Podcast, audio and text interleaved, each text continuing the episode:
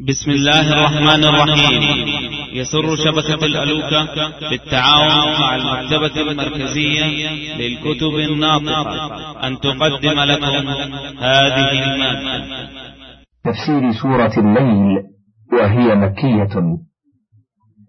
تقدم قوله عليه الصلاة والسلام لمعاذ فهلا صليت بسبح اسم ربك الأعلى والشمس وضحاها والليل إذا يغشى. بسم الله الرحمن الرحيم. والليل إذا يغشى والنهار إذا تجلى وما خلق الذكر والأنثى. إن سعيكم لشتى. فأما من أعطى واتقى وصدق بالحسنى فسنيسره لليسرى وأما من بخل واستغنى وكذب بالحسنى فسنيسره للعسرى وما يغني عنه ماله إذا تردى. قال الإمام أحمد حدثنا يزيد بن هارون حدثنا شعبة عن المغيرة عن إبراهيم عن علقمة أنه قدم الشام فدخل مسجد دمشق فصلى فيه ركعتين وقال اللهم ارزقني جليسا صالحا. قال فجلس إلى أبي الدرداء. فقال له أبو الدرداء ممن أنت؟ قال من أهل الكوفة. قال كيف سمعت ابن أم عبد يقرأ والليل إذا يغشى والنهار إذا تجلى قال علقمة والذكر والأنثى فقال أبو الدرداء لقد سمعتها من رسول الله صلى الله عليه وسلم فما زال هؤلاء حتى شككوني. ثم قال ألم يكن فيكم صاحب السواد وصاحب السر الذي لا يعلمه أحد غيره والذي أجير من الشيطان على لسان محمد صلى الله عليه وسلم. وقد رواه البخاري ها هنا ومسلم من طريق الأعمش عن إبراهيم قال قدم أصحاب عبد الله على أبي الدرداء فطلبهم فوجدهم فقال أيكم يقرأ على قراءة عبد الله؟ قالوا كلنا. قال أيكم أحفظ فأشاروا إلى علقمة فقال كيف سمعته يقرأ؟ والليل إذا يغشى. قال والذكر والأنثى. قال أشهد أني سمعت رسول الله صلى الله عليه وسلم يقرأ هكذا وهو لا يريدني على أن أقرأ وما خلق الذكر والأنثى. والله لا أتابعهم. هذا لفظ البخاري. هكذا قرأ ذلك ابن مسعود وأبو الدرداء ورفعه أبو الدرداء. وأما الجمهور فقرأوا ذلك كما هو المثبت في المصحف الإمام العثماني في سائر الآفاق. وما خلق الذكر والأنثى. فأقسم تعالى بالليل إذا يغشى أي إذا غشي الخليقة بظلامه والنهار إذا تجلى أي بضيائه وإشراقه. وما خلق الذكر والأنثى كقوله تعالى وخلقناكم أزواجا وكقوله ومن كل شيء خلقنا زوجين ولما كان القسم بهذه الأشياء المتضادة كان المقسم عليه أيضا متضادا ولهذا قال تعالى إن سعيكم لشتى. أي أعمال العباد التي اكتسبوها متضادة أيضا ومتخالفة. فمن, فمن فاعل خيرا ومن فاعل شرا. قال الله تعالى فأما من أعطى واتقى أي أعطى ما أمر بإخراجه واتقى الله في أموره. وصدق بالحسنى أي بالمجازات على ذلك قاله قتادة. وقال خصيف بالثواب وقال ابن عباس ومجاهد وعكرمة وأبو صالح وزيد بن أسلم وصدق بالحسنى أي بالخلف. وقال أبو عبد الرحمن السلمي والضحاك وصدق بالحسنى أي بلا إله إلا الله. وفي رواية عن عكرمة وصدق بالحسنى أي بما أنعم الله عليه. وفي رواية عن زيد بن أسلم وصدق بالحسنى قال الصلاة والزكاة والصوم. وقال مرة وصدقة الفطر. وقال ابن أبي حاتم حدثنا أبو زرعة حدثنا صفوان بن صالح الدمشقي حدثنا الوليد بن مسلم حدثنا زهير بن محمد حدثني من سمع أبا العالية الرباحي يحدث عن أبي بن كعب قال سألت رسول الله صلى الله عليه وسلم عن الحسنى قال الحسنى الجنة. وقوله تعالى فسنيسره لليسرى قال ابن عباس يعني للخير. وقال زيد بن أسلم يعني للجنة. وقال بعض السلف من ثواب الحسنة الحسنة بعدها ومن جزاء السيئة السيئة بعدها. ولهذا قال تعالى وأما من بخل أي بما عنده واستغنى. قال أكرمة عن ابن عباس أي بخل بماله واستغنى عن ربه عز وجل. رواه ابن أبي حاتم. وكذب بالحسنى أي بالجزاء في الدار الآخرة.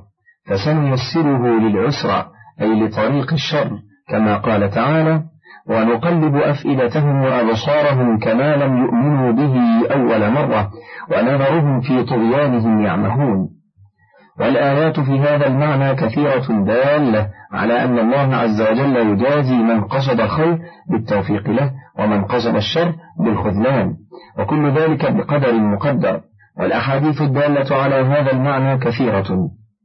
رواية أبي بكر الصديق رضي الله عنه قال الإمام أحمد حدثنا علي بن عياش حدثني العطاف بن خالد حدثني رجل من أهل البصرة عن طلحة بن عبد الله بن عبد الرحمن بن أبي بكر الصديق عن أبيه قال سمعت أبي يذكر أن أباه سمع أبا بكر وهو يقول قلت لرسول الله صلى الله عليه وسلم يا رسول الله فنعمل على ما فرغ منه أو على أمر مؤتمف. قال بل على أمر قد فرغ منه. قال ففيما العمل يا رسول الله؟ قال كل ميسر لما خلق له. رواية علي رضي الله عنه. قال البخاري حدثنا أبو نعيم حدثنا سفيان عن الأعمش عن سعيد بن عبيدة عن أبي عبد الرحمن السلمي عن علي بن أبي طالب رضي الله عنه قال كنا مع رسول الله صلى الله عليه وسلم في بقيع الغرقد في جنازة فقال ما منكم من أحد إلا وقد كتب مقعده من الجنة ومقعده من النار فقالوا يا رسول الله أفلا نتكل؟ فقال اعملوا فكل ميسر لما خلق له ثم قرأ فأما من أعطى واتقى وصدق بالحسنى فسنيسره لليسرى إلى قوله للعسرى. وكذا رواه من طريق شعبة ووكيع عن الأعمش بنحوه. ثم رواه عن عثمان بن أبي شيبة عن جرير عن منصور عن سعيد بن عبيدة عن أبي عبد الرحمن عن علي بن أبي طالب رضي الله عنه قال كنا في جنازة في بقيع الغرقد فأتى رسول الله صلى الله عليه وسلم فقعد وقعدنا حوله ومعنا مخصرة فنكس فجعل ينكت بمخصرته ثم قال ما منكم من أحد أو ما من نفس منفوسة إلا كتب مكانها من الجنة والنار وإلا قد كتبت شقية أو سعيدة. فقال رجل يا رسول الله أفلا نتكل على كتابنا وندع العمل؟ فمن كان منا من أهل السعادة فسيصير إلى أهل السعادة ومن كان منا من أهل الشقاء. فسيصير إلى أهل الشقاء. فقال أما أهل السعادة فييسرون لعمل أهل السعادة وأما أهل الشقاء فييسرون إلى عمل أهل الشقاء. ثم قرأ فأما من أعطى واتقى وصدق بالحسنى فسنيسره لليسرى وأما من بخل واستغنى وكذب بالحسنى فسنيسره للعسرى. وقد أخرجه بقية الجماعة من طرق عن سعيد بن عبيدة به رواية عبد الله بن عمر. قال الإمام أحمد حدثنا عبد الرحمن حدثنا شعبة عن عاصم بن عبيد الله قال سمعت سالم بن عبد الله يحدث عن ابن عمر قال قال عمر يا رسول الله أرأيت ما نعمل؟ ما نعمل فيه؟ أفي أمر قد فرغ أو مبتدأ أو مبتدع؟ قال فيما قد فرغ منه. تعمل يا ابن الخطاب. فإن كلا ميسر. أما من كان من أهل السعادة فإنه يعمل للسعادة وأما من كان من أهل الشقاء فإنه يعمل للشقاء. ورواه الترمذي في القدر عن بن دار عن ابن مهدي به وقال حسن صحيح. حديث آخر من رواية جابر. قال ابن جرير حدثني يونس أخبرنا ابن وهب أخبرني عمرو بن الحارث عن أبي الزبير عن جابر بن عبد الله أنه قال يا رسول الله أنا أعمل لأمر قد فرغ منه أو لأمر نستأنفه؟ فقال لأمر قد فرغ منه. فقال سراقة ففيما العمل إذا فقال رسول الله صلى الله عليه وسلم كل عامل ميسر لعمله. ورواه مسلم عن أبي الطاهر عن عن ابن وهب به حديث آخر. قال ابن جرير حدثني يونس حدثنا سفيان عن عمرو بن دينار عن طلق بن حبيب عن بشير بن كعب العدوي قال سأل غلامان شابان النبي صلى الله عليه وسلم فقال يا رسول الله أنعمل فيما جفت به الأقلام وجرت به المقادير أو في شيء يستأنف؟ فقال بل فيما جفت به الأقلام وجرت به المقادير. قال ففيما العمل إذا؟ قال اعملوا فكل عامل ميسر لعمله الذي خلق له. قال نجد ونعمل. رواية أبي الدرداء. قال الإمام أحمد حدثنا هشيم بن خارجة حدثنا أبو الربيع سليمان بن عتبة السلمي عن يونس بن ميسرة ابن حلبس عن أبي إدريس عن أبي الدرداء قال قالوا يا رسول الله أرأيت ما نعمل؟ أمر قد فرغ منه. أم شيء نستأنفه؟ قال بل أمر قد فرغ منه. فقالوا فكيف بالعمل يا رسول الله؟ قال كل امرئ مهيأ لما خلق له. ففرد به أحمد من هذا الوجه. حديث آخر. قال ابن جرير حدثني الحسن بن سلمة بن أبي كبشة. حدثنا عبد الملك بن عمرو. حدثنا عباد بن راشد عن قتادة. حدثني خليل العصري عن أبي الدرداء. قال قال رسول الله صلى الله عليه وسلم ما من يوم غربت فيه شمسه إلا وبجنبتيها ملكان يناديان يسمعهما خلق الله كلهم إلا الثقلين. اللهم أعط منفقا خلفا وأعط ممسكا تلفا. وأنزل الله في ذلك القرآن فأما من أعطى واتقى وصدق بالحسنى فسنيسره لليسرى. وأما من بخل واستغنى وكذب بالحسنى فسنيسره للعسرى. ورواه ابن أبي حاتم عن أبيه عن ابن أبي كبشة بإسناده مثله. حديث آخر. قال ابن أبي حاتم حدثني أبو عبد الله الظهراني حدثنا حفص بن عمر العدني حدثنا الحكم بن أبان عن عكرمة عن ابن عباس أن رجلا كان له نخيل ومنها نخلة فرعها في دار رجل صالح فقير ذي عيال فإذا جاء الرجل فدخل داره فيأخذ الثمرة من نخلته فتسقط الثمرة فيأخذها صبيان الرجل الفقير فينزل من نخلته فينتزع الثمرة من أيديهم. وإن أدخل أحدهم الثمرة في فمه أدخل إصبعه في حلق الغلام ونزع الثمرة من حلقه. فشكى ذلك الرجل إلى النبي صلى الله عليه وسلم وأخبره بما فيه بما هو فيه من صاحب النخلة. فقال له النبي صلى الله عليه وسلم اذهب. ولقي النبي صلى الله عليه وسلم صاحب النخلة فقال له أعطني نخلتك التي فرعها في دار فلان ولك بها نخلة في الجنة. فقال له لقد أعطيت ولكن يعجبني ثمرها وإن لي لنخلا كثيرا ما فيها نخلة أعجب إلي ثمرة من ثمرها. فذهب النبي صلى الله عليه وسلم فتبعه رجل كان يسمع الكلام من رسول الله صلى الله عليه وسلم ومن صاحب النخلة فقال الرجل يا رسول الله إن أنا أخذت النخلة فصارت لي النخلة فأعطيتك إياها أتعطيني ما أعطيته بها نخلة في الجنة؟ قال نعم. ثم إن الرجل لقي صاحب النخلة ولكلاهما نخل فقال له أخبرك أن محمدا أعطاني بنخلتي المائلة في دار فلان نخلة في الجنة. فقلت له قد أعطيت ولكن يعجبني ثمرها. فسكت عنه الرجل فقال له أراك إذا بعتها قال لا إلا أن أعطى بها شيئا ولا أظنني أعطاه. قال وما مناك؟ قال أربعون نخلة.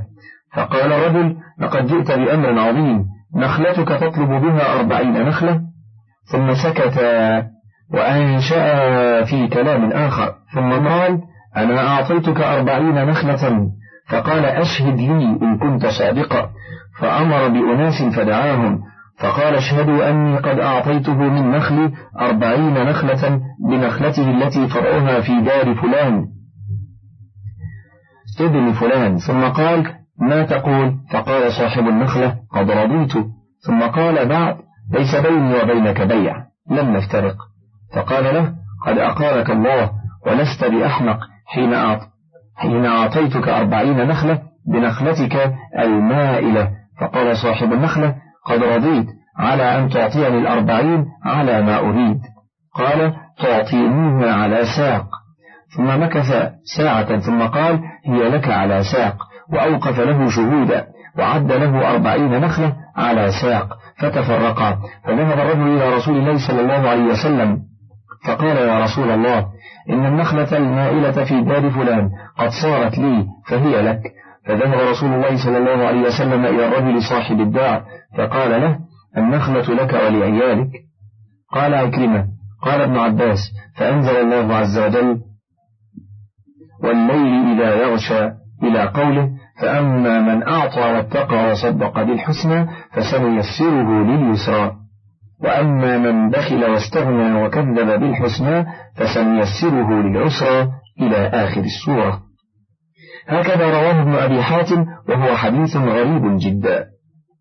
قال ابن جرير وذكر أن هذه الآية نزلت في أبي بكر الصديق رضي الله عنه. حدثنا هارون بن إدريس الأصم حدثنا عبد الرحمن بن محمد المحاربي حدثنا محمد بن إسحاق عن محمد بن عبد الله بن محمد بن عبد الرحمن بن أبي بكر الصديق رضي الله عنه عن عامر بن عبد الله بن الزبير قال كان أبو بكر رضي الله عنه يعتق على الإسلام بمكة فكان يعتق عجائز ونساء إذا أسلمنا فقال له أبوه أي بني أراك تعتق أناسا ضعفاء؟ فلو أنك تعتق رجالا جلداء يقومون معك ويمنعونك ويدفعون عنك. فقال أي أبتي إنما أريد أظنه قال ما عند الله. قال فحدثني بعض أهل بيتي أن هذه الآية أنزلت فيه فأما من أعطى واتقى وصدق بالحسنى فسنيسره لليسرى. وقوله تعالى وما يغني عنه ماله إذا تردى. قال مجاهد أي إذا مات. وقال أبو صالح ومالك عن زيد بن أسلم إذا تردى في النار.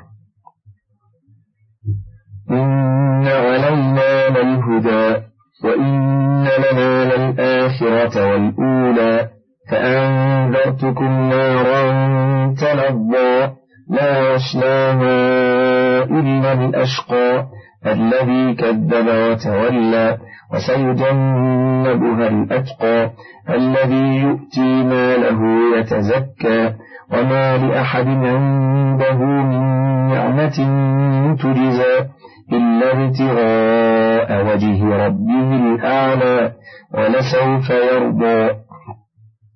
قال قتادة إن علينا للهدى أي نبين الحلال والحرام. وقال غيره من سلك طريق الهدى وصل إلى الله وجعله كقوله تعالى وعلى الله قصد السبيل حكاه ابن جرير وقوله تعالى وإن لنا للآخرة والأولى أي الجميع ملكنا وأنا المتصرف فيهما. وقوله تعالى فأنذرتكم نارا تلظى قال مجاهد أي توهج. قال الإمام أحمد حدثنا محمد بن جعفر حدثنا شعبة عن سماك بن حرب سمعت النعمان بن بشير يخطب يقول سمعت رسول الله صلى الله عليه وسلم يخطب يقول أنذرتكم النار. حتى لو أن رجلا كان بالسوق وسمعه من مقام هذا قال حتى وقعت خميصة كانت على عاتقه عند رجليه. وقال الإمام أحمد حدثنا محمد بن جعفر حدثني شعبة حدثني أبو إسحاق سمعت النعمان بن بشير يخطب ويقول سمعت رسول الله صلى الله عليه وسلم يقول إن أهون أهل النار عذابا يوم القيامة. رجل توضع في أخمص قدميه جمرتان يغلي منهما دماغه. رواه البخاري.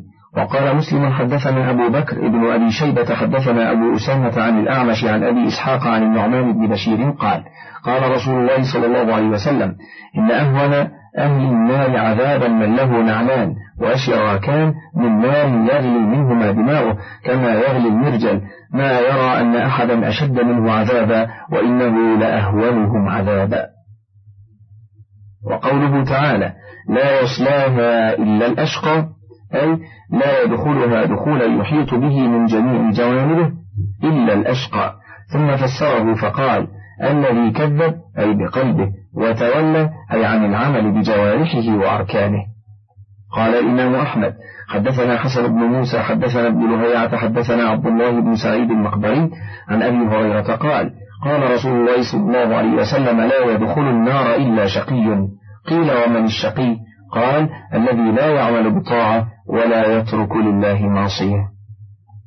وقال الإمام أحمد حدثنا يونس وشريح. قال حدثنا فليح عن هلال بن علي عن عطاء بن يسار عن أبي هريرة قال قال رسول الله صلى الله عليه وسلم كل أمتي تدخل الجنة يوم القيامة إلا من أبى. قالوا ومن يأبى يا رسول الله؟ قال من أطاعني دخل الجنة ومن عصاني فقد أبى. ورواه البخاري عن محمد بن سنان عن فليح به. وقوله تعالى وسيجنبها الأتقى أي وسيزحزح عن النار. التقي النقي الأتقى. ثم فسره بقوله الذي يؤتي ماله يتزكى أي يصرف ماله في طاعة ربه ليزكي نفسه وماله وما وهبه الله من دين ودنيا. وما لأحد عنده من نعمة تجزى أي ليس بذله ماله في مكافأة من أسدى إليه معروفا فهو يعطي في مقابلة ذلك وإنما دفعه ذلك ابتغاء وجه ربه الأعلى أي طمعا في أن يحصل له رؤيته في الدار الآخرة في روضات الجنات. قال الله تعالى ولسوف يرضى أي ولسوف يرضى من اتصف بهذه الصفات وقد ذكر غير واحد من المفسرين أن هذه الآيات نزلت في أبي بكر الصديق رضي الله عنه حتى إن بعضهم حكى الإجماع من المفسرين على ذلك.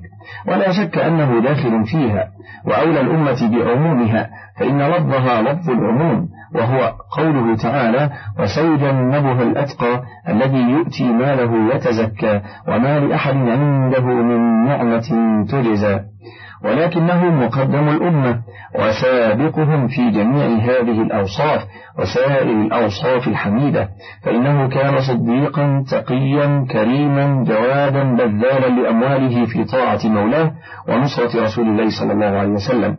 فكم من دراهم ودنانير بذلها ابتغاء وجه ربه الكريم ولم يكن لأحد من الناس عنده منة يحتاج إلى أن يكافئه بها ولكن كان فضله وإحسانه على السادات والرؤساء من سائر القبائل. ولهذا قال له عروة بن مسعود وهو سيد ثقيف يوم صلح الحديبية أما والله لولا يد لك عندي لم أجزك بها لأجبتك. وكان الصديق قد أغلظ له في المقالة فإذا كان هذا حاله مع سادات العرب ورؤساء القبائل فكيف بمن عداهم؟